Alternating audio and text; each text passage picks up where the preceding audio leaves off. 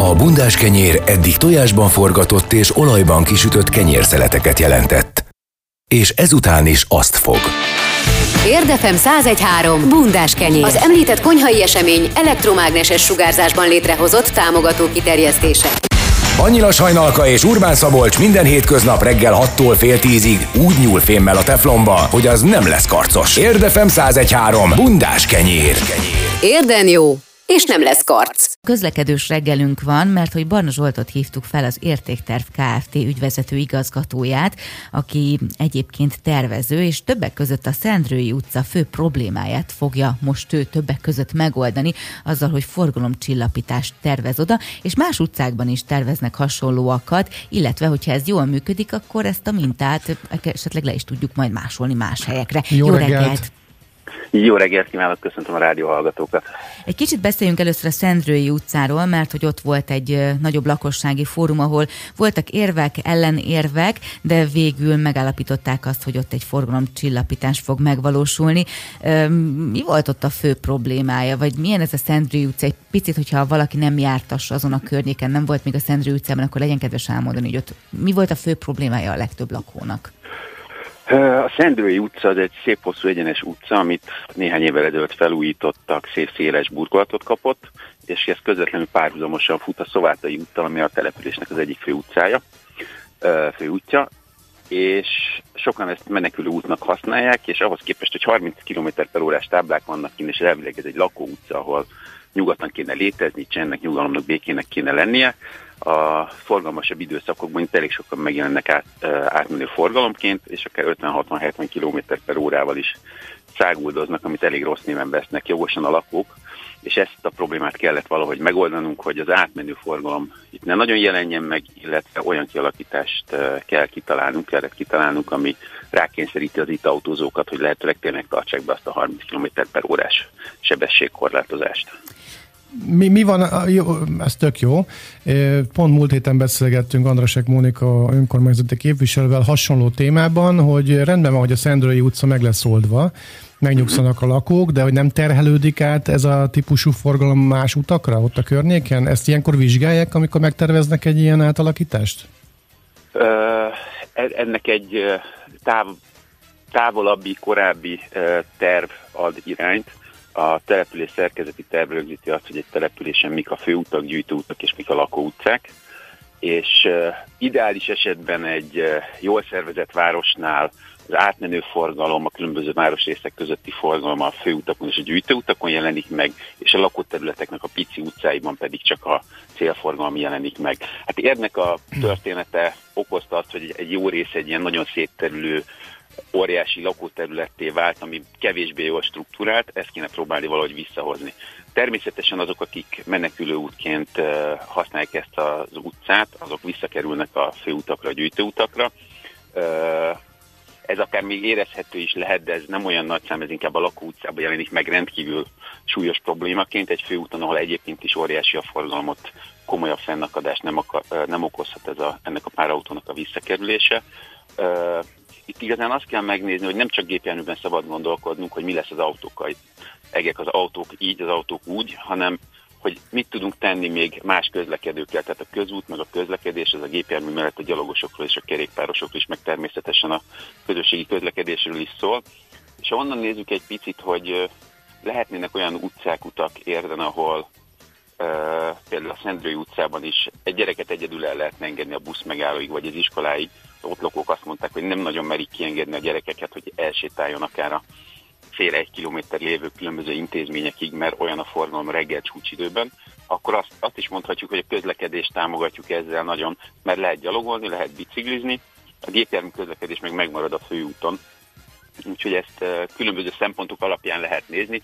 Összességében nem csak az ott lakók közlekedésének, hanem mondjuk az akár itt biciklivel vagy gyalog átközlekedőknek is egy pluszt hozhat egy ilyen fejlesztés, egy ilyen lakóterületi fejlesztés. Igen, kicsit rátér, nem, na, kis kitérő, mert hogy közben itt nézem a Google Maps-et, és nagyon érdekes dologra lettem figyelmes, hogy a Google Maps-en az, a Szendrői utcának az egyik szakasza, az, a fotók, az utcakép az 2019-ben készült, viszont a másik szakasza az meg 2012-ben, amikor még ilyen fekete sáros utca volt, úgyhogy lehet látni a különbséget a leaszfaltozott és a nem leaszfaltozott útminőség között.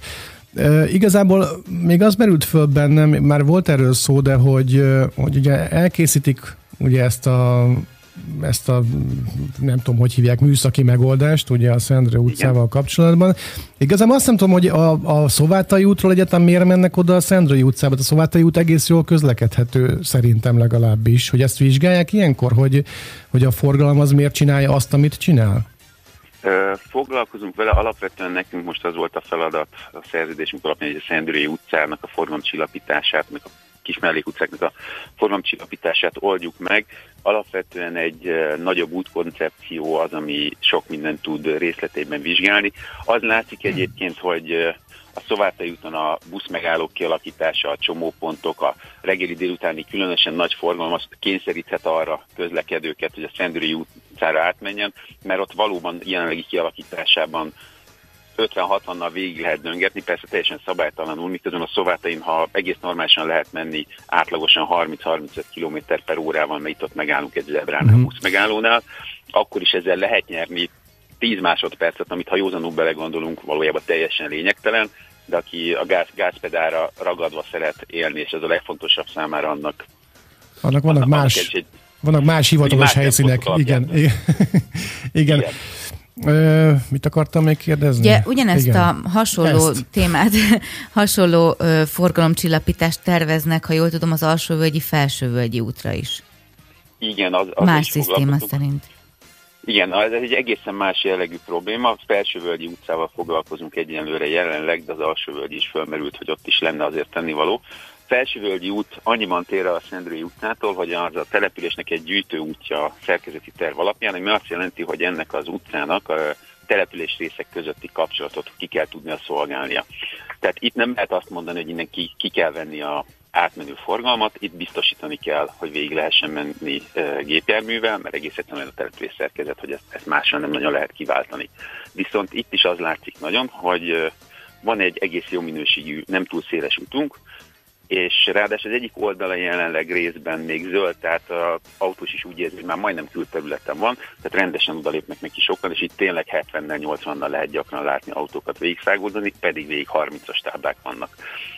Ez egy ilyen klasszikus probléma, hogy van itt egy több kilométeres közel egyenes útunk, ami vannak táblák, de maga az útnak a kialakítása, amit az ember lát, érzékel, ami alapján elsősorban dönt, az abszolút nem azt kommunikálja, hogy itt le kéne nagyon lassítani 30 km per órára és itt ezt próbálnánk segíteni, hogy olyan megoldásokat alkalmaznánk, ami vizuálisan is kommunikálja az autóvezetővel azt, hogy ez, ez, ez, ez valami más, ez nem egy autópálya, itt lassabban kell közlekedni, úgyhogy itt-ott kisebb szűkítések, kisebb elhúzások beiktatásával erősen lehet jelezni az autóvezetőknek, hogy Ácsi. nyugodtabban, lassabban kell végigmenni, de végig lehet menni, tehát az nem lesz korlátozva. A Szendrői utca lakói, ugye kezdeném ott, hogy 10 millió közútkezelő országa vagyunk is, többek között. Igen. hogy a Szendrői utca lakossága elégedett ezzel a változtatással, vagy itt nagyon beleszólnak? Ugye volt egy lakossági megemlékezés azért erről, de nagyon, nagyon szakértenek, vagy, vagy olyan megoldás születik, ami mindenkinek jó? Azt mondják, hogy na ez igen, ez jó lesz. Én számomra ez a Szendrői úti csapat, a lakók egy, egy nagyon pozitív élmény volt. Tehát ez már lassan egy éve kezdődött ez a formomcsillapítós történet. Alapvetően ez ilyen alulról indult kezdeményezésnek tűnik számomra, hogy a lakók jelezték a városvezetésnek, városvezetés megértette a problémát, és fölkarolta, hogy ezzel foglalkozni kéne. Több alkalommal is volt lakossági fórum. Alapvetően a legjobb értelemben tudom azt mondani, hogy ők követelik, hogy történjen valami, mert élhetetlen az utca számukra. Tehát ez a klasszikus érdi történet, hogy ide költöztek 10-20 akárhány évvel ezelőtt sokan, felépítették az életüket egy csendes lakóutcába, ma meg 70-nel mennek a ház előtt az autók, és lakóutcáról beszélünk, tehát nem egy főút mellé, és ez a változás, ez, ez sokaknál feszültséget okoz teljesen jogosan. Úgyhogy ők jelezték a problémát, alulról kezdték, támogatják ezt a történetet, voltak különböző változatot, volt, ami jobban tetszett a utca egyik felének, volt, ami másiknak jobban tetszett, de a egy-két héttel ezelőtti lakossági fórumon egyensúlyba került ez a történet, és a szakaszos egyirányúsítás mellett döntöttünk közösen a lakókkal, a városvezetéssel, és most ezek a tervek fognak remélhetőleg megvalósulni. Hajnalka tudna mesélni erről, hogy milyen volt Zsák utcában lakni, aztán pedig hirtelen M7-es lett a, az előjáró utcából. A, a nagyiról mesélnék egy picit, a, aki az én lányomnak a nagymamája, és Velencén hasonló cipőben járt, ott is van egy ilyen szélesebb utca, a számozott utcák mindegy között. Van egy, egy olyan utca, ami, ami egy kicsit csábítóbb arra, hogy gyorsan menjen az ember, és megelégelte ezt éveken keresztül bombázta az önkormányzatot, hogy tegyenek ki mindenféle táblákat, és az lett a vége, hogy kikerült egy 20-as tábla a, ebbe az mhm. utcába, ami hát azért inkább megmosolyogtató, mint indokolt lenne. Egyébként indokolt például egy ilyen utcában a 30-as táblát, az tényleg az is azért az a határ, amit így megmosolyog az ember, mondjuk egy 40-essel úgy ki, kiegyeznék, és akkor azt még úgy be is lehet úgy tartani, hogy ennek úgy van valami észszerű foganatja, vagy, ezt, vagy én, is, én is a 10 millió közútkezelő közé tartozom. ö, ö, egy táblát önmagában kitenni az nagyon sok esetben csak a mondjuk a döntéshozó vagy az útüzemeltetőnek a felelősségének az eltolását tudja jelenteni, mert hiába teszek ki egy 20-as táblát, az semmi nem változik az útnál, nem lehet 20 menni autóval. Nem, hát. De lehet olyan útkörnyezet, lehet természetesen, de láthatóan ez nem sokaknak sikerül, nekem sem. De ha olyan útkörnyezetet, olyan közlekedés szervezést hozok létre, ami ezt támogatja és kikényszeríti, akkor ez nagyon jól tud működni. Két gondolatot mondanék. Az egyik, hogyha valakit elütnek 50 km per órával, akkor 80% az esélye, hogy meghal. Uh-huh. Ha 30 km per órával ütik el, akkor különböző számítások szerint 10-20% az esélye, hogy meghal. Tehát ez egy iszonyatosan nagy lépcső itt a 30 és 50 között. A 40-nél is a kettő közötti középnél valahol feljebb van ez a uh-huh. uh, halálozás arány. Ezért uh, foglalkozunk ennyire nagyon sokat ezzel a sebességgel, és ezért mondom azt, hogy a uh, táblázás helyett, vagy táblázás mellett a legfontosabb az, hogy az útkörnyezetet alakítsuk úgy, hogy az autóvezetők érezzék, hogy nem lehet nagyon száguldani. Legyenek beszűkített sávok, legyenek olyan fizikai akadályok, de most a lakóutcáról beszélek értelemszerűen, amik kikényszerítik, lassításra kényszerítik a gépjármű forgalmat, és alapvetően próbáljuk a lakóutcákból az átmenő forgalmat is kizárni, mert aki itt át akar menni, annak nem egy lakókörnyezet, hanem csak egy út, és csak át akar jutni rajta a lehető leggyorsabban. Aki ide célforgalomként érkezik, az eleve egy kicsit elfogadóbb azzal, hogy már egy másik környezetben van, lassabban is tud menni, illetve már nem rohan sehova, mert éppen megérkezik.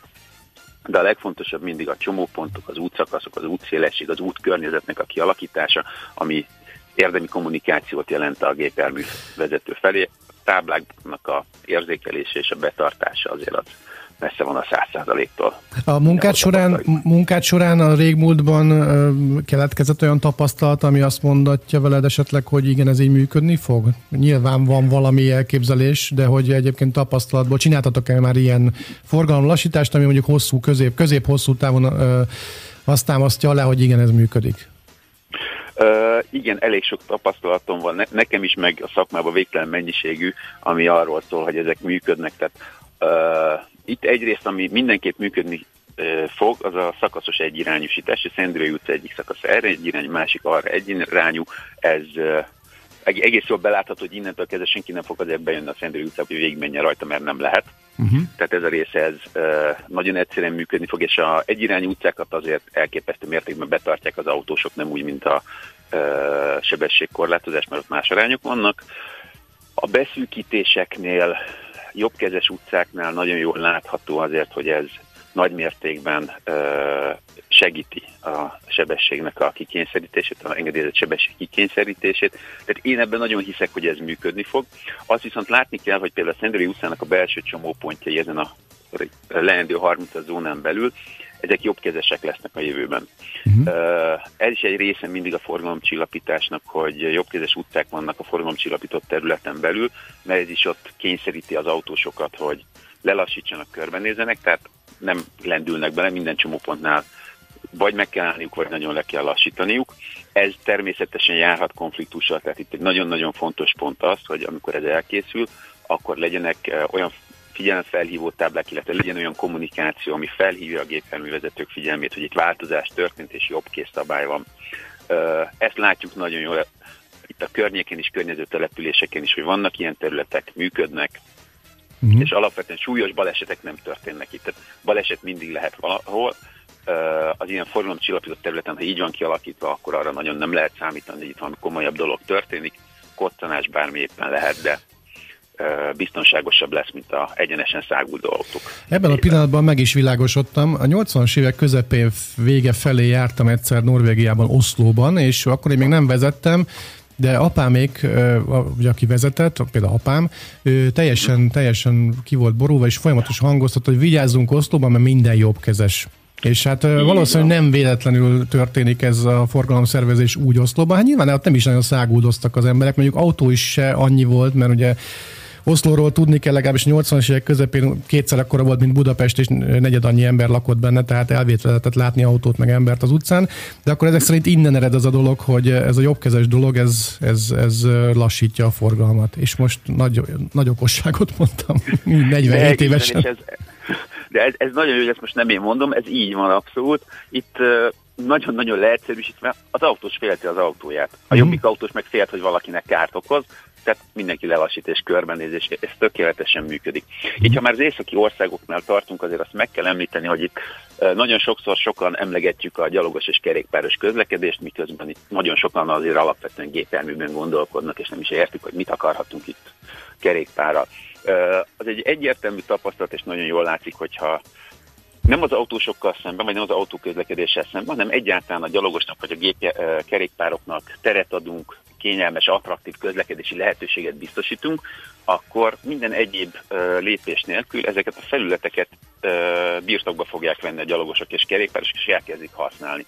Tehát az szépen látszik, hogy itt zajlik a világban 60 éve egy kísérlet, építünk utakat, aztán el lesznek autóval, aztán építünk hozzá még sávokat, még lesznek, és ez így, így folyamatosan nő. Amerikában északon délen is lehet gyönyörű olyan autópályákat látni városokon belül, ahol kétszer hét sáv van, tehát 14 sáv keresztbe, és néha éjszaka is bedugulnak, mert akkor a gépjármű forgalom. Észak-Európában meg azt látjuk, hogyha kerékpárutakat, kerékpársávokat építünk jól, biztonságosan, közlekedhető módon, akkor azok viszont tele lesznek kerékpárral, mert az emberek felfedezik, hogy ezt lehet használni, és bizonyos közlekedési uh, céljaikhoz, bizonyos irányokba ez nekik is jó uh, megoldás lehet, bizonyos helyeken meg továbbra is autóval járnak.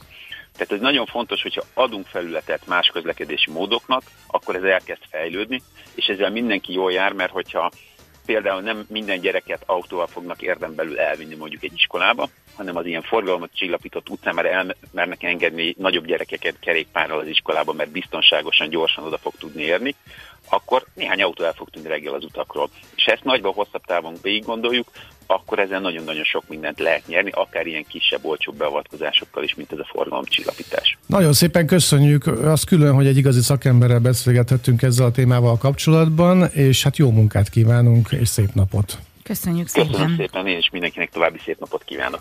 Szia, köszönjük szépen! Barna Zsoltot hallották, aki a Szendrői utca fő problémáját igyekszik megoldani tervezőként, aki egyébként az értékes problémákat is. KFT ügyvezető igazgatója, egy tervező, és arról beszélgettünk, hogy mi módon lehet visszaterelni a megfelelő utakra a Szendrői utcában megjelent forgalmat, illetve hogy ott mit tudnak kezdeni ezzel a dologgal. Érdefem 1013. Ha megdobnak kővel, dob vissza bundás kenyérrel de erősen. Arról fogunk beszélgetni, hogy indul a balett érden is, méghozzá a Batta Balett stúdió jó voltából, mert hogy hamarosan felvételt hirdetnek több korosztály számára, és immáron érden is a balettmesterrel Házi Tamás táncművésszel beszélgetünk. Jó reggelt! Jó reggelt! Jó reggelt kívánok nektek is, és a kedves hallgatóknak. Itt már jó nagy beszélgetések Igen. zajlottak, Mind, mindenfélébe belecsippentettünk. Az a baj, van egy téma, ami érdekel, de az annyira bulváros irányba vinnél ezt az egész beszélgetést, úgyhogy hanyagoljuk, nem is mondom el, hogy mi az. A lényeg az, hogy ugye az, az felmerült az a kérdés bennem, hogy ugye a balett nekem egy ilyen, hát hogy fogalmazom, ilyen ufó dolog. Tehát annyira távol van tőlem, viszont így, így messziről az utcasarokról így nézem ezt a dolgot, hogy, hogy mi van vele.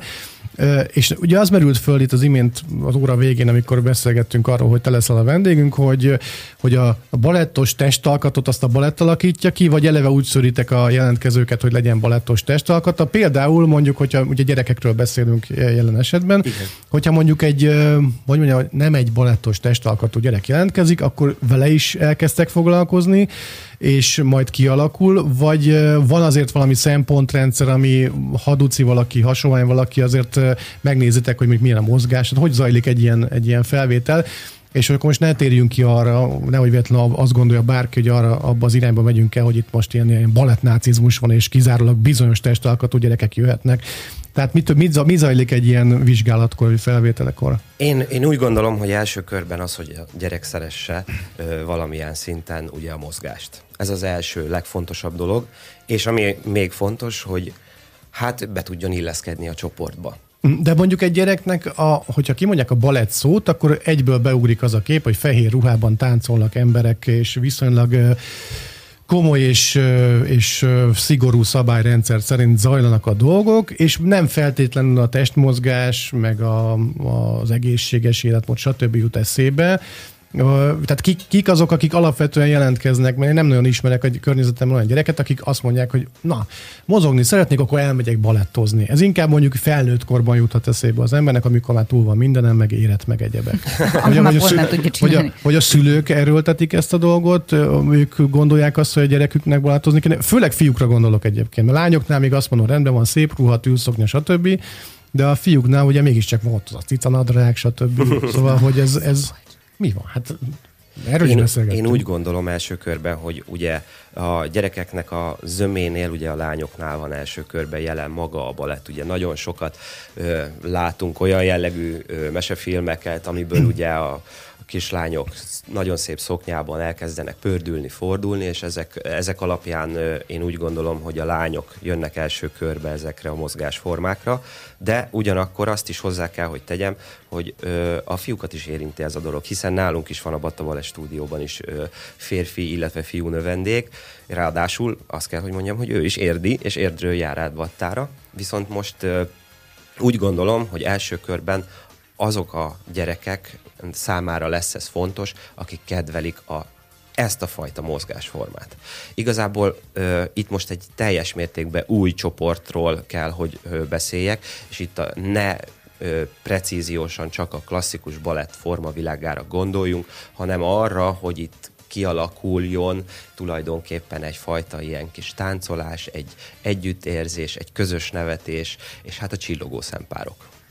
Hát úgy kell értelmezni ezt akkor, hogy nem rögtön az van, hogy akkor pádödő, vagy nem tudom milyen szakkifejezéseket használok, ha tükör előtt korlátba kapaszkodva rögtön a mélyvíz, hanem egy picit azért van egy ilyen megszerettető, vagy megmutató szakasza ennek az oktatásnak? Ha valaki az amatőr, amatőr ö, dolgokról beszélünk most, akkor, akkor ugye nem az a célunk első körben, hogy rögtön már az elrettentés jöjjön itt, hogy akkor beállunk a run mellé, és akkor, akkor nem csak és kizárólag a, a száraz gyakorlatokat. Rettentésre gondoltam, csak hát az mégiscsak egy ilyen szakmai finomaibb, szárazabbnak mondható valami, amikor tényleg a gyakorlásról és a, a finomításról van szó. Nyilván nem ezzel kezdtek, de hogy amikor oda megy valaki, például egy kisgyerek, hogy balettozni szeretnék, akkor mondjuk mi történik egy órán? Eleve föl kell venni a cicanadrágot, vagy lehet tréningatjában is mozogni?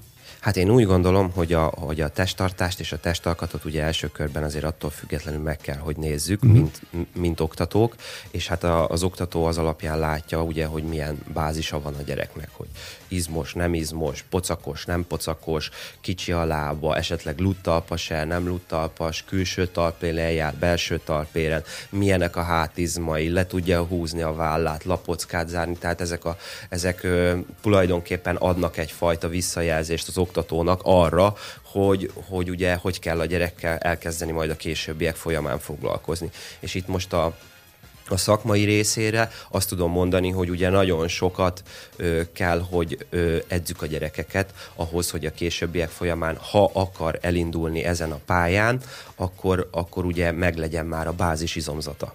Uh-huh. A gyerekek az egy gyurmák, bocsánat hajnalka, mindjárt még, még ezt kivesézem, hogy a gyerekek az egy gyurmák, tehát elég tisztességesen alakíthatók, és itt mond, elhangzott a pocak szó, meg egyemek, hogy azok hogy el tudnak tűnni, gondolom én egy ilyen testmozgás során, Abszolút. és mondjuk szerintem lehet, hogy a, a nem feltétlenül, én nem vagyok balettoktató, és mint mondtam, nagyon messze állok ettől a művészeti ágtól, de mondjuk, hogyha, hogy, hogy mondjuk a lelkesedés lehet, hogy sokkal többet számít adott esetben, mint az, hogy van egy kis pocak, vagy rosszul gondolom, vagy ez, az, Én ez ennél komolyabban? úgy gondolom, hogy úgy, ha a legelső az, hogyha megvan a megfelelő lelkesedés, akkor bármit. Tehát azt tudom mondani nektek, hogy, hogy, hogy én, ahogy észrevettem, ha egy pocakos lány eljött hozzánk, ott volt nálunk mondjuk három évig, a három év alatt olyan változáson ment keresztül, hogy megnyúlt, eltűnt a pocak, gyönyörű szép idomok lettek, nagyon szép testalkat, és egyszerűen átalakult a kislány az alapján, hogy ő szerette azt, amit csinál. És ez a balett volt most első körben. Mm. Tehát. De mennyire speciális egyébként a balett önmagában? Mert ugye alapvetően, tehát most én is mondjuk egy öt éves kisfiúnak vagyok az édesanyja, és ugye mindig keresünk azokat a mozgásformákat, amik mondjuk neki jó lennének. Gondolkodtunk itt néptáncon, sporttáncon, tehát egy csomó minden ugye ilyenkor az embernek így megfordul a fejében, hogy mi mindent lehetne. A baletten még egyébként nem gondolkodtunk, de hát szóval oda azért így, így, így vélhetően azért a gyerek személyiségét is kell nézni, mert én azt gondolom, hogy a balettánc az egy ilyen nyugodt dolog, tehát az egy olyan kifinomult, az egy olyan szép, tehát hogy ne, nekem abszolút ez van meg, tehát most bevinném oda az én állandóan a fején pörgő gyerekemet, aki egyébként most a múltkor Monster Truck Show-t állandóan brékel, mert ott látott egy bréktáncos csávót, tehát hogy nem tudom, hogy úgy mit tudna ott csinálni, vagy mit tudnátok vele kezdeni. Hát ugye első körben Nálunk az órák ugye a bemutatkozáson, az alapgyakorlatokon keresztül ugye egy ilyen játékosabb formát vesznek majd föl, és tulajdonképpen ez alatt az időintervallum alatt, amikor ugye a beszoktatás történik, mert úgy, úgynevezett beszoktatási folyamat van, az alapján ugye megtudjuk a gyereknek, így van, ahogy mondtátok, a személyiségét, a hozzáállását dolgokhoz, illetve egy picikét már megpróbáljuk ösztönözni a koncentrációját arra, hogy e felé a gyakorlatok felé a későbbiek folyamán elkezd tudni ö, formálni. És akkor a forma gyakorlatok, amik vannak, például a plié, a tandű, a zsöté, a rodozsán párter, fondű, frappé, amik itt a rúdnál zajlanak első körben, azokat ugye bázis szinten megismertetni velük. Ugye először ez földön történik, aztán a rúd mellett. Rúd után pedig középgyakorlat formájában ugye rengeteg ismétlés, nagyon-nagyon sok javítás után történik meg maga az, hogy ugye kialakult teljes személyiséggel tudunk akkor már úgymond dolgozni. Van ilyen rásegítés? Mert most amit elmondtál, ugye azért, hogy ezeket a gyakorlatokat, neve, bocs, ha nem így hívják, gyakorlatokat el tudjuk végezni, akkor tényleg kell azért valamilyen testfelépítés, meg izomzat, stb. De van rá segítés, tehát mondjuk elzavarjátok a gyerekeket futni, vagy van edzés, vagy most komolyan kérdezem, hogy súlyzós edzés van-e a valettosoknál, amikor azért ö, ö, inspiráljátok az izomzatot arra, hogy ezeket a gyakorlatokat tökéletesen, vagy ahhoz, ahhoz közelítően el tudják végezni. Hát ugye egyfajta testnevelés nekünk is bele kell vinni az órákba, én legalábbis így gondolom, de ez, ezt balettmestere, oktatója válogatja, hogy mit csinál. Én például első körben a funkcionális edzéseket részesítem előnyben, ami ugye saját test súlyos. Aha, hát ilyen Tehát, fegyence szerűség. Hát igen, hasonló, jelleg, mhm. hasonló jellegű, de viszont ez nagyon jól neveli a, a bázisizomzatot, ami nekünk ugye a későbbiek folyamán kell majd hát a hiszen baletthoz. saját testsúlyjal ed, művelitek a balettet, tehát nem, így van. nincs a kezetekben semmi adott esetben mondjuk. Így van, így van. Itt az előbb hallottam, ugye Apáti Bencéről is volt egy pár szó, ugye mellette ő kiegészítő tréningét például boxolt, amíg ő uh-huh. ugye a klasszikus balett pályán volt, és hát nekem egyébként kollégám is volt még a Markó Ivános időszakból. Mi nagyon sokat beszélgettünk erről, és ezt a tréninget ő kiegészítő tréningként szinte majdnem minden nap csinálta, úgyhogy mm. nagyon komoly ö, izomzatra és nagyon-nagyon jó ö, kondícióra tett szert. Visszatérve egy kicsit egyébként még a gyerekekre, tehát hogy azok, akik egyébként elmennek hozzátok mondjuk balettozni, azoknak így a, mert most mi is egy ilyen öm, helyzetben vagyunk, vagy egy ilyen típusú szakaszban vagyunk most így az életemmel a gyerekünkkel, gyerekünkkel, hogy azok a gyerekek így tehát így a személyiségük, a testtartásuk, a, a, a, a testalkatuk az így változik ettől? Tehát, hogy milyen, milyen jó élettani hatásai vannak? Mert tudod, mondják, hogy menjél el úszni, majd szépen tartja magát a gyerek, vagy ezt csináld, azt csináld, azt csináld, és egy csomó változás belép a, a gyerek életébe. És most egyébként így, most a Szabi végre egyenesen ül, de egyébként azt néztem, hogy milyen görnyet háttal ülünk, olyan gyönyörűen ülsz, Erről, hogy, erről van, egy, van egy elméletem egyébként, majd a következő blogban. hogy ki miért ül szépen, tehát figyelj, a Tamás gyönyörűen ül, mi meg, mi meg mint ilyen tagba szakadtan beültünk ide a stúdióba.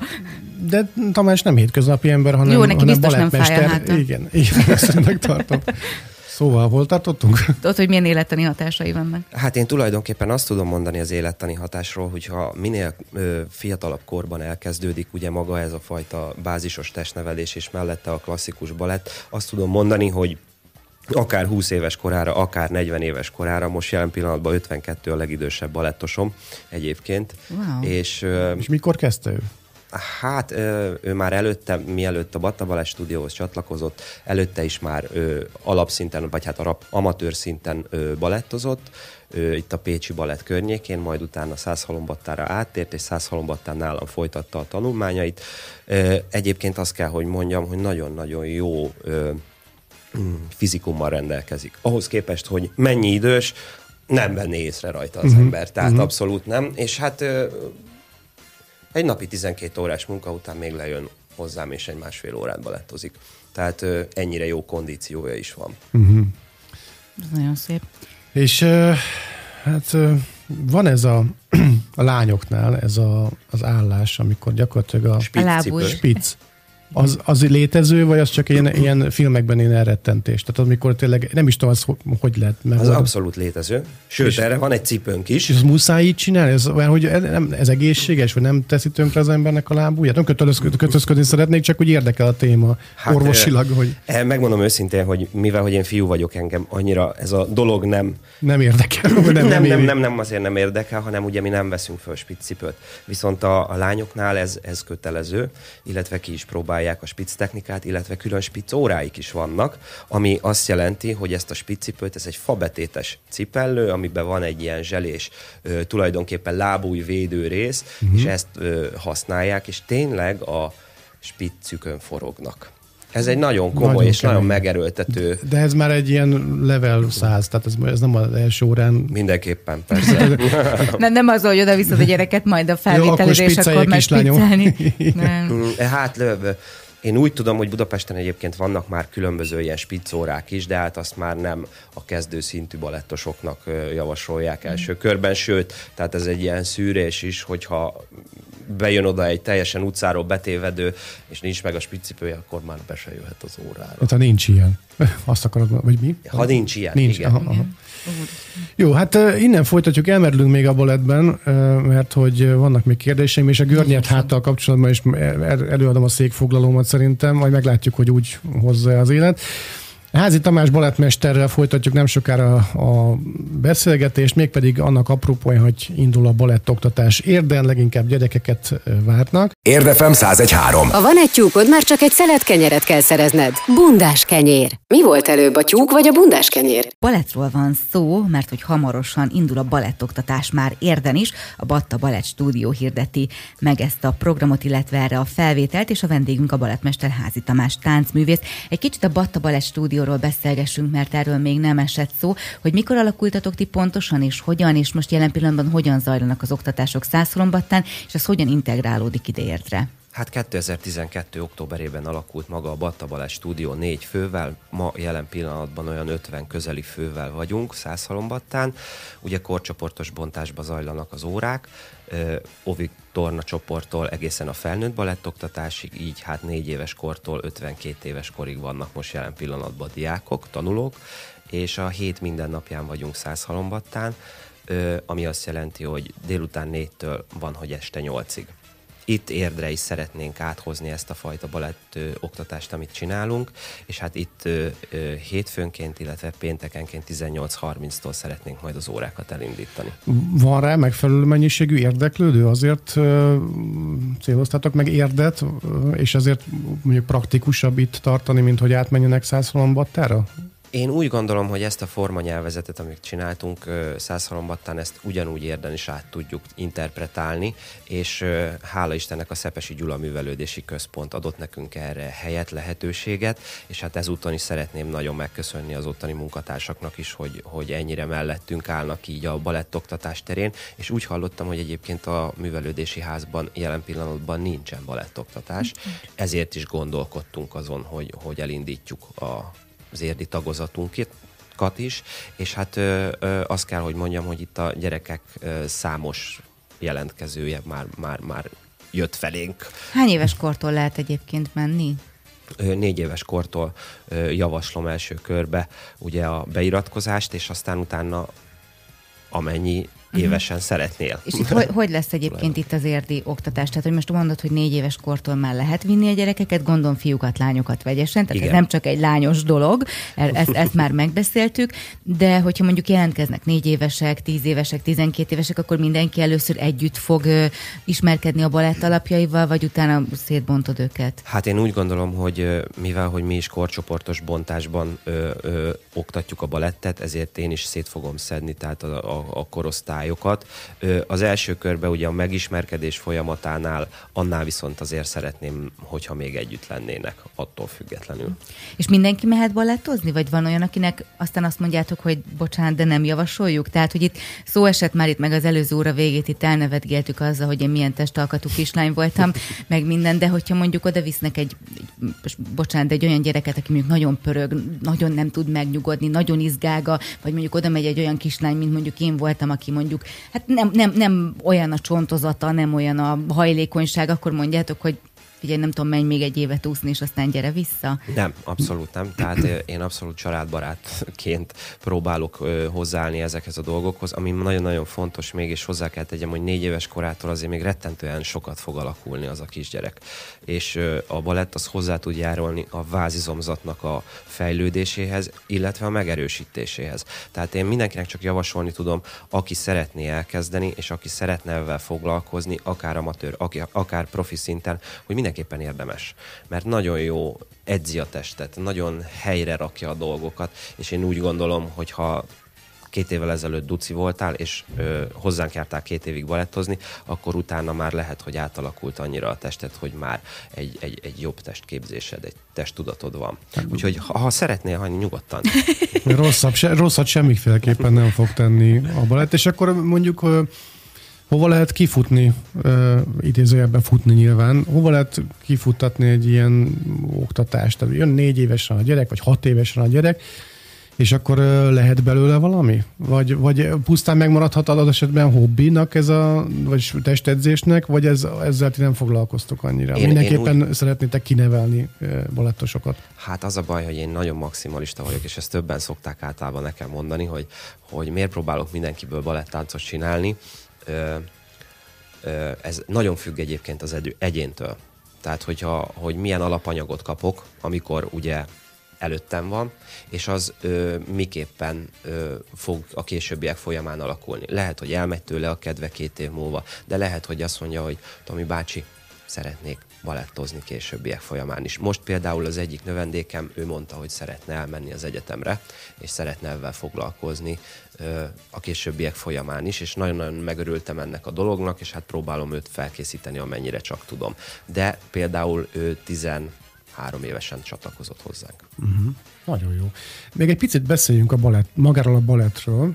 Jó, mert hogy én azt látom, hogy, és lehet, hogy ez tart engem távol ettől, hogy nagyon szigorú a balett. Most nem úgy szigorú, hogy mindenki összeborzolt szemöldökkel néz. De ez csak a hanem, hogy, látod. Hanem, hogy, hanem, hogy, hogy, hogy szigorú szabályrendszere van, nem nagyon lehet eltérni tőle, és kérdezem is, hogy ez mondjuk a klasszikus balett, amiről én beszélek, Igen. mondjuk diótörő, amit itt kint az ajtó előtt mondtam neked, és prima balerina, és tűlszoknya, és cicanadrágos fiúk, és van esetleg a balettnek olyan ága, ami mondjuk egy ilyen elvetemültebb dolog, már bocsánat a kifejezésért, tehát amikor másfajta ruházatban... A jazz balett biztos azt nem, nem, nem, nem, nem erre gondoltam. Nem, én a kortás és a modern balett. Na, tehát amikor nem... Tenném le a voksomat ennek. Tehát az is, az, azt is nevezhetjük balettnek, vagy, vagy van egy ilyen szembenállás, hogy különállás a klasszikus balettosok, meg a, a a kortárs balettosok Én úgy között. gondolom, hogy a fornyom, forma nyelvezetét tekintve egyébként hasonló a kettő, de ugye mivel, hogy modern és kortárs balettnek hívjuk,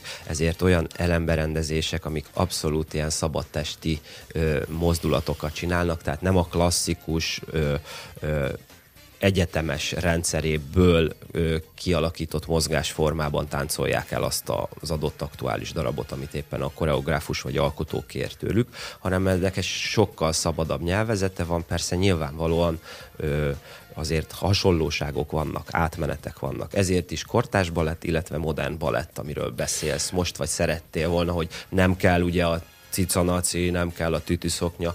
Nyilván vannak ott ö, jelmeztervezők is mellettünk, ilyenkor egyébként egy profi darabnál, és a, a, a, például volt olyan, hogy én nekem öltönybe kellett táncolnom Fodor Zoltánnak a traviátájában. Biztos nagyon kényelmes lehetett. Szerettem, igen. Egyszer voltam Gergye Krisztián előadásán, ő kortárs. Igen, Minden- kortárs. De ott nem mondom azt, hogy nem tudtam különbséget tenni, hiszen másképp voltak fölöltözve, már ha fel voltak öltözve a szereplők, de hogy, hogy nekem ott is voltak ilyen balettos megmozdulások, de mégsem úgy nézett ki, mint egy, egy másik előadáson a Diótörő, ahol 20 kilós prima balerina és izmos férfiak fehér ruhában uh, táncoltak. Tehát, hogy még egyszer megkérdezem, tehát akkor nincs, nincs ez az ellenségeskedés mondjuk a két műfaj között. Van esetleg részedről átnyúlás, hogy azt mondod, hm, kipróbálnék egy ilyen Gergye Krisztián féle vonalat, ahol mondjuk másfajta a sztori, nem annyira kötött fogású a dolog, vagy te maradsz a klasszikus verziónál? Hát inkább arról tudok beszélni neked, hogy mi az, ami tetszik, mi az, ami már, már számomra annyira nem, de egyébként a kortás balett és a klasszikus balett nyelvezeti, illetve formavilágát tekintve azt mondom, hogy én, vilá- én, én jobban érzem otthon magamat benne.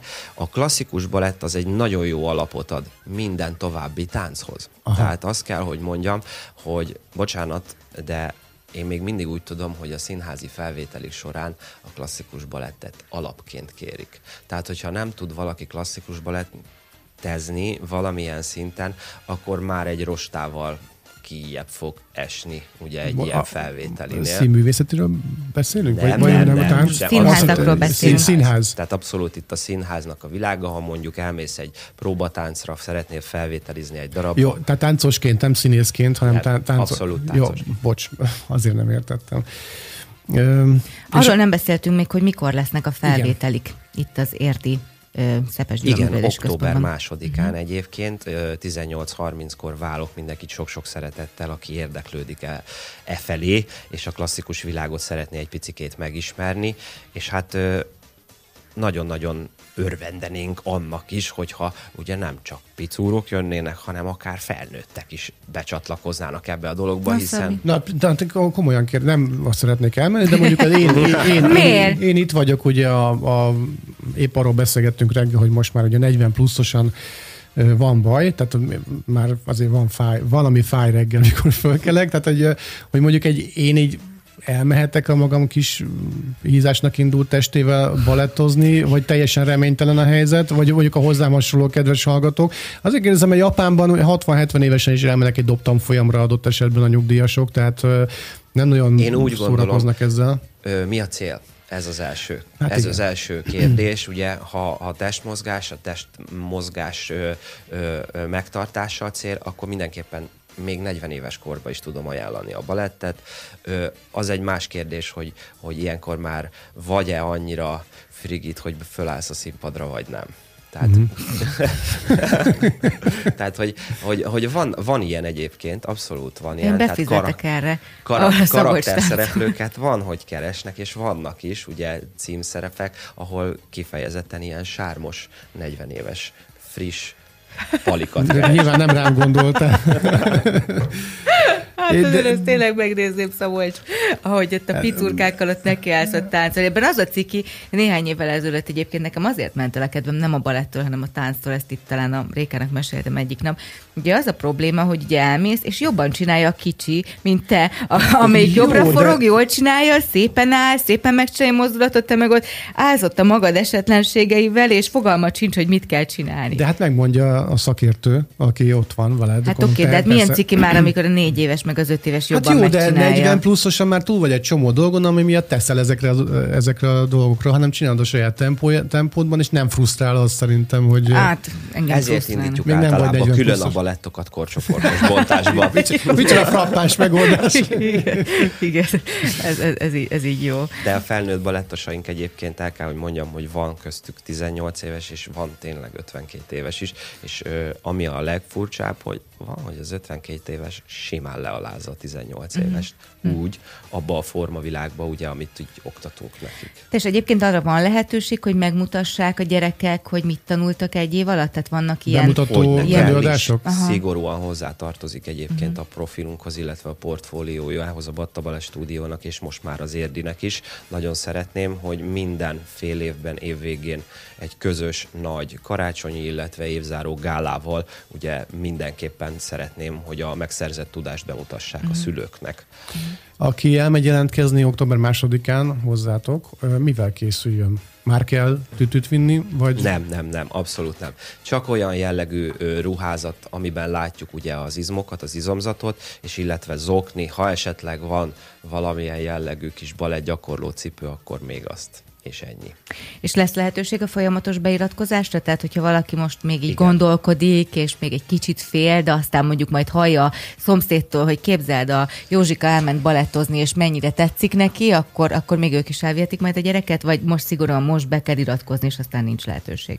Én úgy gondolom, hogy, hogy folyamatos lehetőséget adunk arra egyébként, hogy csatlakozzunk. Kérdés az, hogy ugye fel tud zárkózni az adott csoportnak ugye a, a, a tematikus bázisanyagához, amit ugye ö, csinálunk. Érdemesebb általában ugye mindig itt az elején csatlakozni, mert hát ugye elkezdődik egy tanulási folyamat, és a tanulási folyamat végére érünk mondjuk, mit tudom én, decemberben, vagy esetleg ö, júniusban, amikor a színházi évadunk nekünk véget ér, de ö, mindenkit szívesen látunk, mindenkit szívesen fogadunk, és volt már rá precedens, hogy kislány egy pillanat alatt, körülbelül két hét alatt megfogta és betanulta az egész bázisanyagunkat. Wow. Na, még egy nagyon fontos kérdésem van, mert ugye azért nem tudunk amellett elmenni, hogy ugye megint itt van ez a vírus a környezetünkben, hogy gondolom ezt tavaly benneteket is megállított, illetve érintett, hogy van erre valamilyen béter? Tehát, hogyha most beiratkozik egy gyerek, elkezdi az oktatást, és mondjuk mégis úgy alakulna, hogy itt megint mindent bezárnak, és megint mindenkinek otthon kell maradni,